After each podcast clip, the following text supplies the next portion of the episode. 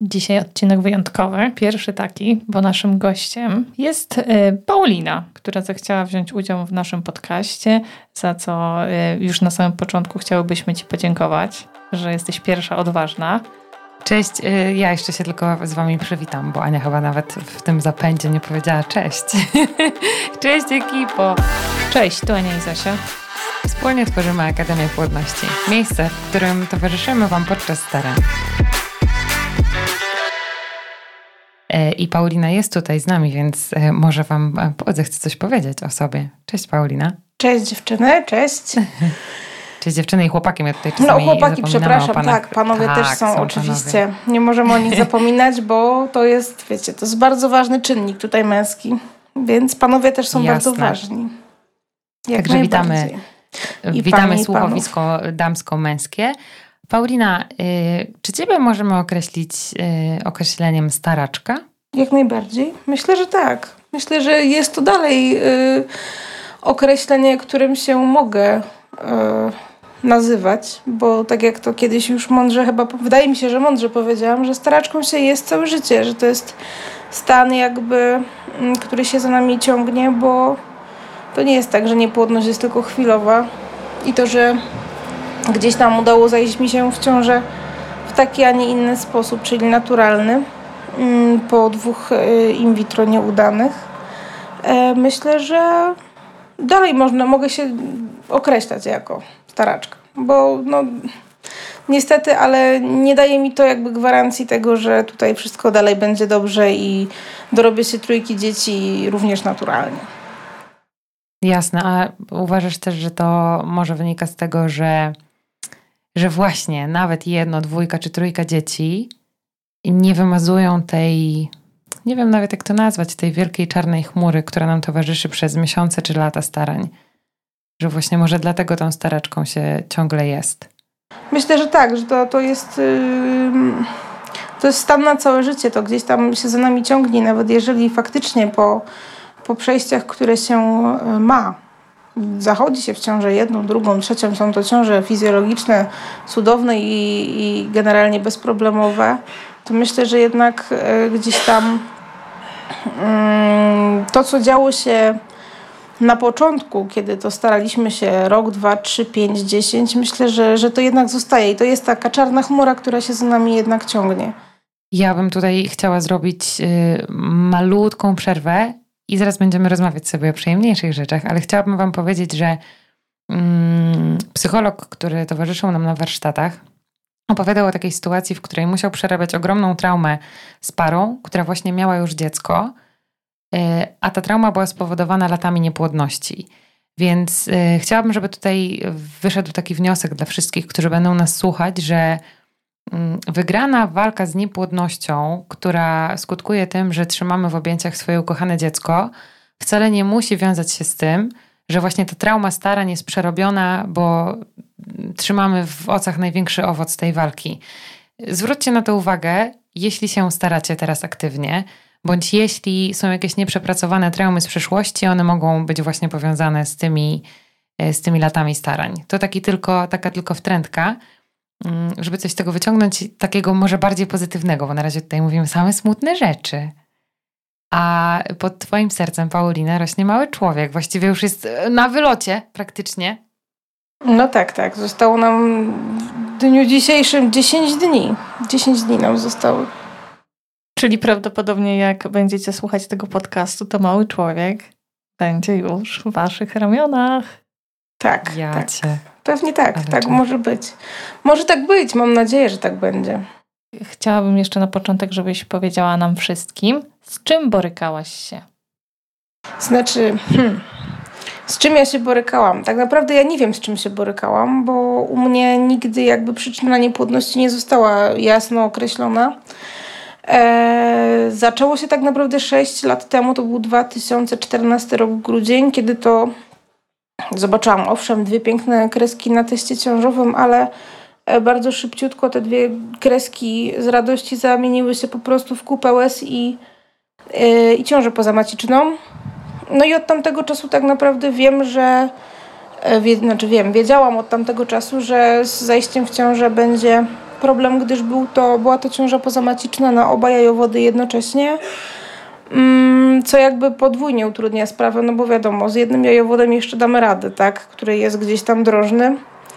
No a w momencie, kiedy są to dwa jajowody i mm, teoretycznie są brane pod uwagę jako jajowody no niedrożne, bo są pooperacyjne, mm, no to nam jakby po, podwójnie robi problem. I, I w tym wypadku, w momencie, kiedy ja już po tych sześciu latach poznałam mojego męża, e, znaczy nie no, troszeczkę krócej to trwało niż sześć lat, ale w momencie, kiedy poznałam mojego męża i e, po ślubie stwierdziliśmy, że mm, chcemy mieć dzieci, chcemy się o te dzieci starać, no to ginekolog, który mnie za tamtych czasów prowadził, e, no stwierdził, że no niestety, ale o naturze to możemy na razie tylko pomarzyć, bo z racji sytuacji, która miała lat kilka temu, no może ona się po prostu powtórzyć i z racji tego właśnie doktor wysłał mnie do kliniki leczenia niepłodności.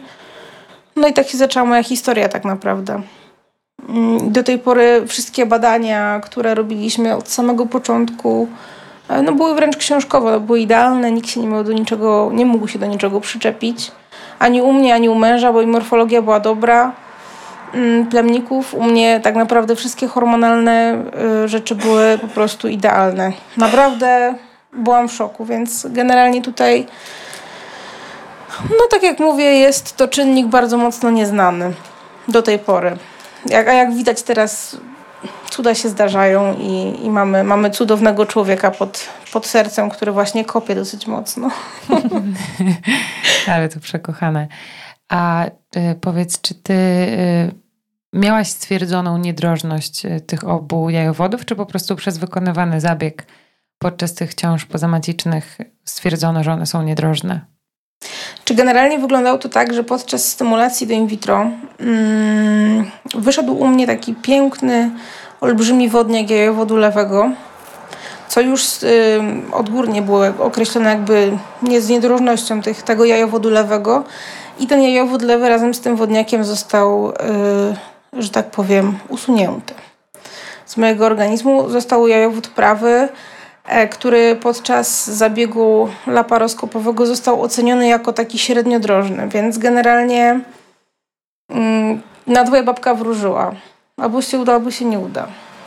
Ale z racji, z racji sytuacji, które, yy, które miały miejsce wcześniej, no nikt nie chciał ryzykować. My na początku też nie chcieliśmy. Ja się generalnie bardzo bałam e, jakichkolwiek naturalnych prób, dlatego też yy, przed tym pierwszym, przed pierwszym transferem, który, który mieliśmy odroczony, właśnie mieliśmy yy, robioną tą, tą laparoskopię, żeby ten jajowód usunąć. E, no a potem już pierwszy transfer, który się nie udał, drugi transfer, który się nie udał, no i jakoś tak e, chyba nabrałam więcej mocy i wiary w siebie i w swój organizm i wtedy jakoś tak właśnie e, aha, jeszcze się wtedy skierowałam się ku wam, bo przecież ja też byłam takim niedowiarkiem, mm, który uważał, że hmm, jak to dieta płodności może pomóc E, no i się potem przekonałam, że jednak może pomóc. I, i między innymi dzięki Wam, dzięki gdzieś tam jakiejś, nie wiem, uwierzeniu w siebie chyba. No i myślę, że tutaj też dużą rolę odgrywał psycholog, do którego się udałam. Mm, no i jakoś to wszystko tak zaskoczyło magicznie. puzelki. Tak, wszystkie puzelki się zebrały i jakoś wyszło tak, że, że mamy co mamy. Miejmy nadzieję, że wszystko się, wszystko się już do końca uda tak, jak ja bym chciała, żeby było cudnie, pięknie i yy, z, z pięknym zakończeniem. Nasze kciuki są zaciśnięte od początku tej historii, więc nie, nie zwalniamy tego ucisku i wsparcie akademiowe trwa teraz na, na, tej, na tym finiszu. Też Paulina, będziemy radzić z tobą tak o tak, tak. Możemy, no tak, no, nie, nie zrobimy sobie wideo rozmowy, ale dam znać, że rodzę. Ale my mamy tak, że jak wiemy już, że któraś z osób właśnie, z którymi się tak e, gdzieś związałyśmy przez Instagram, która korzystała z naszych rad, chodziła na webinary, to, e, to my to wiedzę, że przeżywamy i odświeżamy, wiesz, tam tego Insta, czekając na czy to już, czy to już, 24 godziny, no dobra, to już może czas wrzucić info dla takich frików jak my. Ale nie, wasze wsparcie jest nieocenione naprawdę. Naprawdę, tego się nie da Nie da się tego opisać, jak bardzo jesteście wspierające. To akurat czapki z głów, czapki z głów. Ja cię, dzięki, dzięki to przekochane, ale ja bym jeszcze chciała wrócić, yy, bo nie wiem, czy jesteś w stanie podać yy, takie rozwiązanie. Wiesz, ja na przykład sama często dostaję takie pytania i też często się nad tym zastanawiam, czy jest coś takiego, o czym jestem przekonana, że to zaważyło na tym, że akurat ten cykl się udał. Zwłaszcza, że wszystkie poprzednie były poprzedzone, wiesz, masą leków, stymulacji, wizyt lekarskich, takiego całego medycznego opanowania nad tym. I co się stało, że akurat pykło teraz? Ty mówisz, że dieta i psycholog, tak? Że złożyłabyś te puzzle, których nie było wcześniej. Czy myślę, myślę, że tak, że gdzieś, znaczy powiem tak, inaczej może, o. Do mnie też dużo wiadomości trafia, odkąd y, ogłosiłam o tym, że zaszłam w ciążę i że jest to ciąża naturalna po tych dwóch y, in witrach. E, jest dużo pytań, jaki jest złoty środek na to, żeby się udało. Czy ja mhm. uważam generalnie, że nie ma czegoś takiego jak złoty środek, bo o tym też pisałam zresztą na blogu, że, że złoty środek jakby nie istnieje, no bo wiadomo, każdy z nas jest inny. E, każda z nas ma inny organizm, każda z nas inaczej na coś zareaguje. E, no u mnie na pewno, na pewno, bo tak jak mówię, stosuję się, stosowałam się bardzo, bardzo mocno do waszej diety. No może to nie było takie 100% na 100%, ale 70%, bo tam coś zawsze podjadłam, na co miałam ochotę. to się muszę przyznać. E, ale czarnuszka i kiełki, a raczej bardziej kiełki, dlatego teraz jest mały kiełek w brzuchu, e, jednak brały, brały górę. I myślę, że tak, że dieta przede wszystkim, zdrowy tryb życia, to na pewno. Na pewno ten psycholog, bo ha, ona mi powiedziała kiedyś jedną taką bardzo ważną rzecz, żeby mm, nie traktować tej niepłodności jako takiej swojej porażki, żeby znaleźć sobie w życiu coś, co tak naprawdę nam mm, przywróci chęć do tego życia i wiarę w to, że się po prostu e, da się żyć mm, tak jakby się chciało, a nie żyć tylko i wyłącznie niepłodnością, bo ta niepłodność nas po prostu zabija, e, zabiera nas po prostu od takiego normalnego życia, bo żyjemy tylko i wyłącznie myśląc o tym, że ten cykl, ten cykl, albo może tamten cykl, a może jeszcze kolejny cykl. I żyjemy tak naprawdę od cyklu do cyklu. Eee, hmm. I czy, czy, czy coś zaważyło?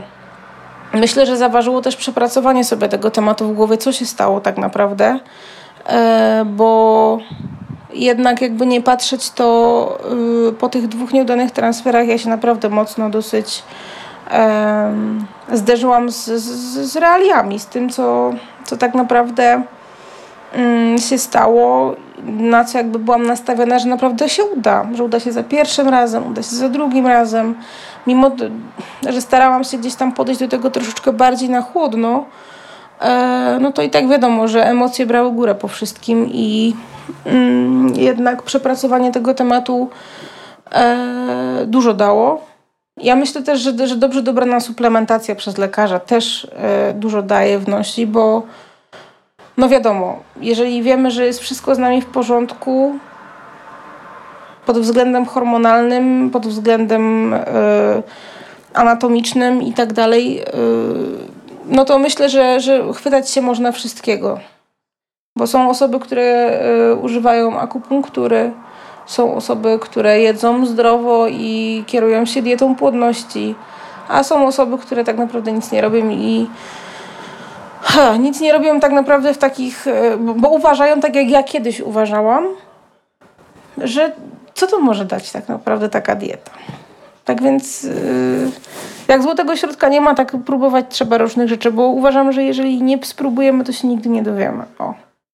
My mamy takie powiedzenie bardzo często. Mówimy, że y, tak naprawdę wprowadzając tą naszą dietę, nic człowiek nie traci. Dokładnie. A jedynie może wygrać.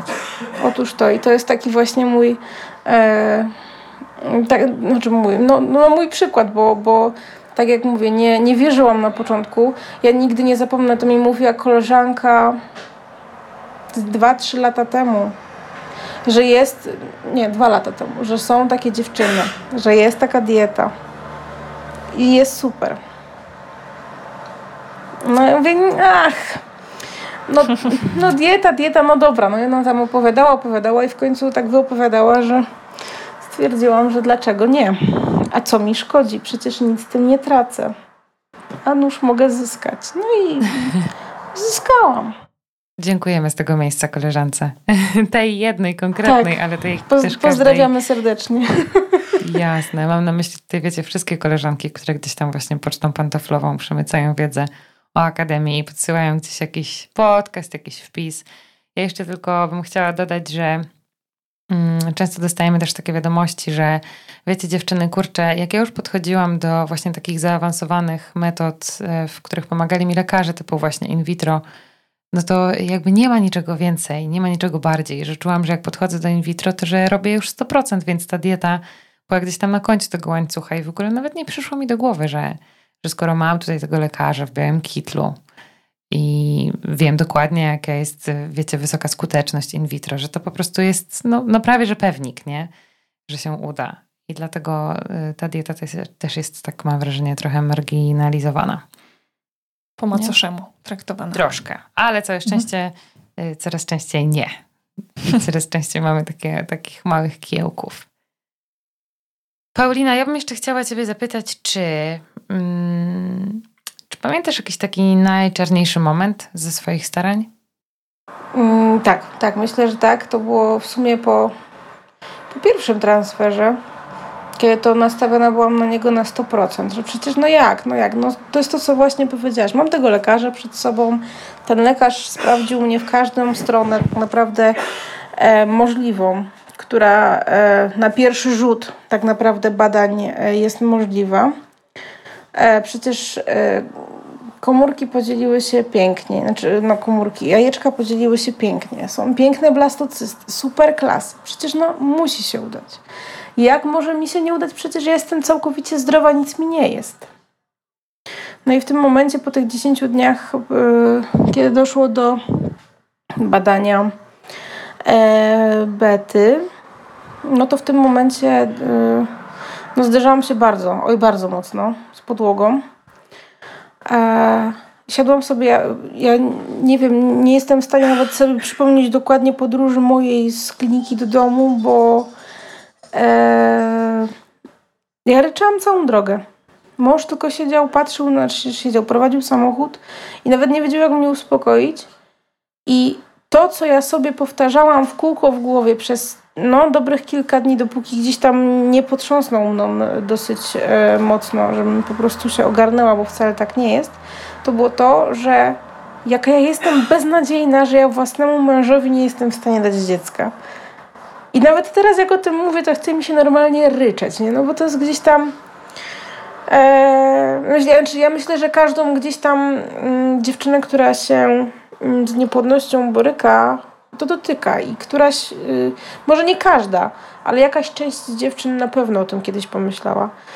I jest to hardkorowo, naprawdę hardkorowo przykra sprawa, że tak patrząc to teraz z boku, no bo wiadomo, już minęło troszkę czasu od tego momentu, kiedy ja sobie to wałkowałam w głowie, że jestem po prostu beznadziejnym przypadkiem.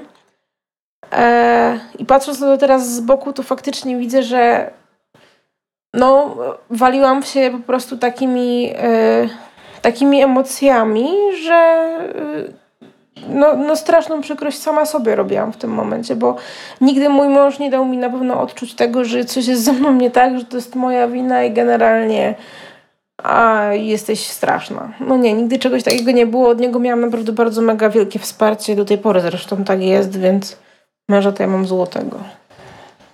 Tak się pochwalę trochę. No, ale, ale faktycznie to było, to było takie dosyć czarne w tym momencie, że najgorzej to pamiętam, że faktycznie ja na sobie sama się wyżywałam gdzieś tak wewnętrznie, że, że jest to moja wina. O. A żeby tak nie zakończyć tego totalnie czarno, bo ja dokładnie czuję Twoją głowę i myślę, że osoby słuchające, które są w trakcie starań, yy, odnajdują wspólny mianownik, przynajmniej większość z nas. Czy jesteś w stanie dać jakąś radę, na przykład, żeby się nie zapędzać w tą głowę? Yy, jakiś taki, nie wiem, mały krok albo duży krok, cokolwiek, co teraz byś zrobiła z perspektywy czasu, kiedy patrzysz na ten najczarniejszy moment, co mogłoby to trochę zmienić? E, generalnie nie wiem, czy jestem osobą, która powinna albo czy która może jakiekolwiek rady dawać komukolwiek, ale jeśli miałabym jakkolwiek coś z siebie wykrzesać na tyle mądrego, to myślę, że y, mogłabym na pewno powiedzieć o tym, żeby w sytuacji, kiedy jesteśmy już po tym transferze, wiemy, że ten y, nasz wymarzony kropek dzidziuś, nasze, nasze, nasze spełnienie marzeń, które, które gdzieś tam, do którego dążymy, jest już przetransferowane w naszej macicy. Mm, już się w niej znajduje i wiemy, że tam jest E, to żeby po prostu starać się żyć tak, jak się żyło wcześniej. Bo dużo, dużo dziewczyn zauważyłam, znaczy ja, ja też zrobiłam ten błąd.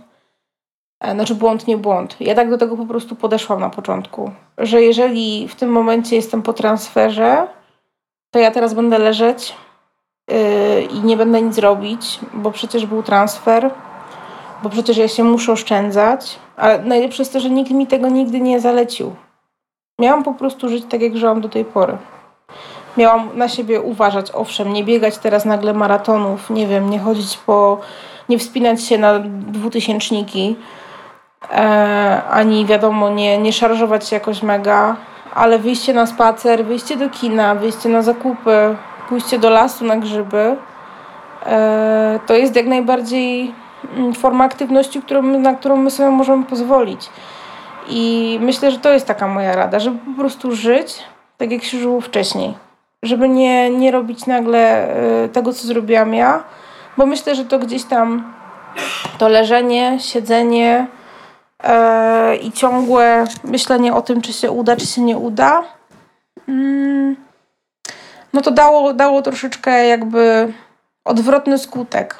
Że za bardzo się nakręcałam na to, że skoro leżę, odpoczywam, y, jem dużo ananasa, jem kiełki, jem czarnuszkę i generalnie super się odżywiam e, i odpoczywam ile wlezie, to to mi da ten finał, którego ja bym sobie życzyła, czyli upragnioną ciążę.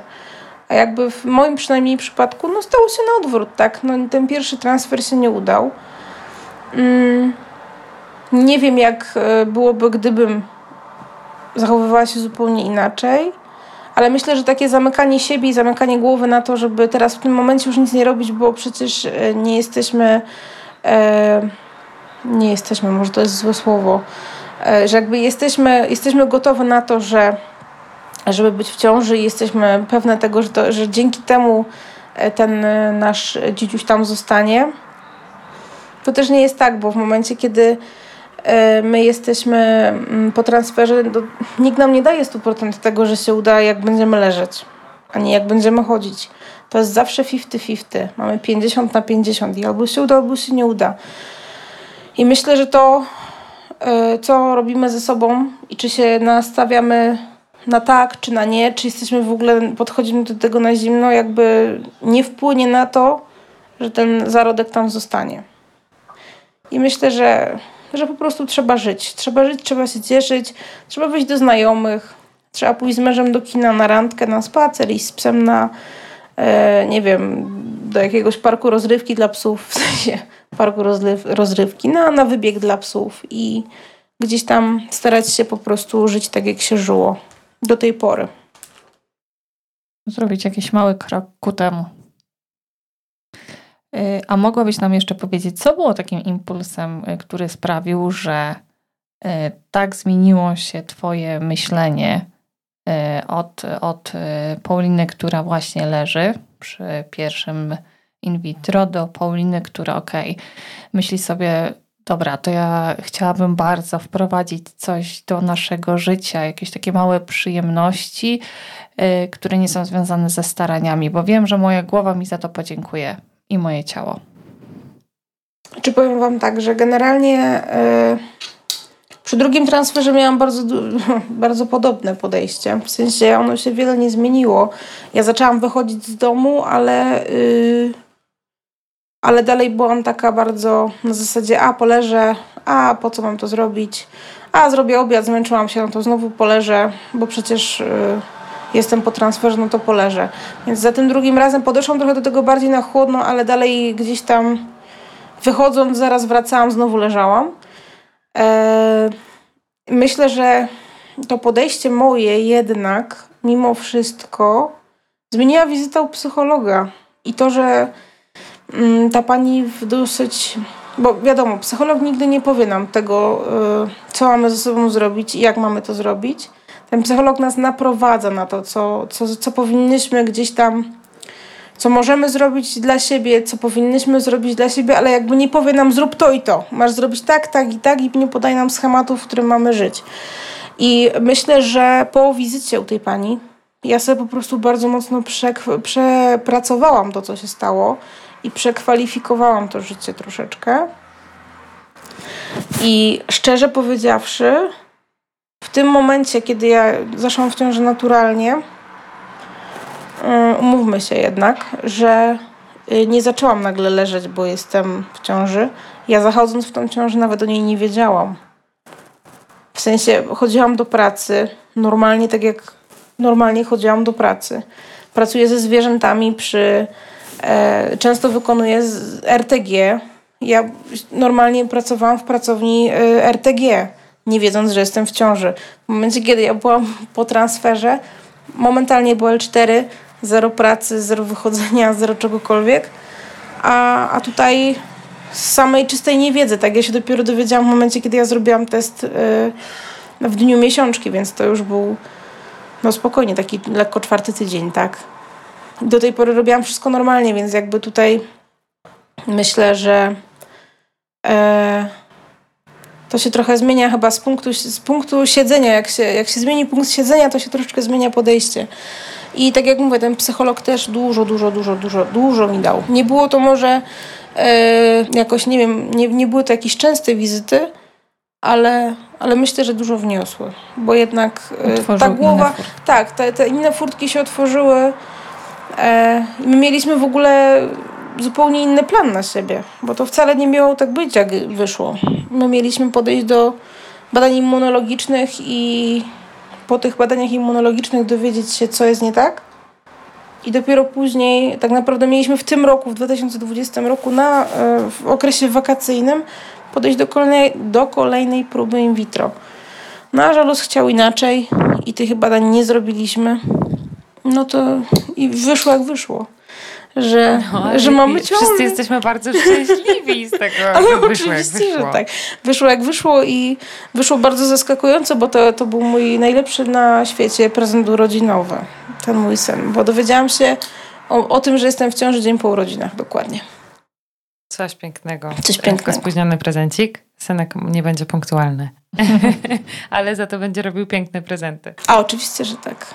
Oczywiście, że e, tak. Ja bym tutaj jeszcze chciała podsumować to, co powiedziałaś, bo padło bardzo wiele ważnych rzeczy i takich. E, mam wrażenie, że tak samo ważnych, jak trudnych. I mówię to z perspektywy człowieka, który pracuje ze osobami starającymi się o dziecko, ale sam również e, bardzo długo się o swoje dziecko starał. I to, co mówi Paulina, jak tak słyszę, to, yy, to myślę sobie, że Boże, masz bardzo dużo racji, ale jednocześnie Twoja rada jest bardzo trudna do zrealizowania. A to tak, to, to, to prawda. No, że każdy wie, wiecie, że każdy by chciał być w tym miejscu, w którym da się żyć normalnie, da się wyjść na frywolny spacer, da się wyjść na, do kina z mężem i rzeczywiście przez chwilę nie myśleć, ale jest to bardzo trudne, co nie znaczy, że koniecznie trzeba podejmować takie próby. I ja bym tak y, powiedziała to do wszystkich tych, którzy teraz tego słuchają i myślą sobie, że no tak, łatwo powiedzieć. Na zasadzie żyj normalnie, kiedy każdą minutę z mojego życia zabiera niepłodność. Y, nie zakładajmy, że uda się żyć już teraz totalnie o niej nie myśląc, ale postarajmy się jej wyrywać z tych szponów niepłodności takie chwile na życie, na siebie, na relacje, na to, żeby złapać ten oddech. Tak bym to podsumowała. To jest idealne podsumowanie. Ja się pod tym podpisuję rękami i nogami. Super. A czy na koniec, bo już właśnie zaczęłaś mówić y, o tym, o co ja Cię chciałam y, zapytać, czy właśnie pamiętasz ten moment, zwłaszcza, że to była ciąża naturalna, więc nie tak, że czekałaś totalnie, wiesz, z pójściem na betę, tak jak po kolejnym in vitro. Y, pamiętasz ten moment? kiedy przychodzi ci do głowy taki pomysł, żeby zrobić test, albo co czujesz, kiedy widzisz tą kreskę? Ona się pojawiała nieśmiała, czy już wyskoczyła jak taka piękna gruba, bez wątpliwości żadnych? Znaczy powiem tak, to jest taka dosyć, nie, nie wiem czy ja to powinnam mówić w ogóle, ale powiem. E, generalnie śmiać mi się chce do tego, z, tego, z tego do dzisiaj tak naprawdę, bo ja bym w życiu nie pomyślała, że jestem w ciąży, bo najpierw mi to zasugerował kolega, bo w pracy siedząc e, przed mikroskopem praktycznie usnęłam. E, I tak spojrzał na mnie, Paulina, czy ty nie jesteś w ciąży?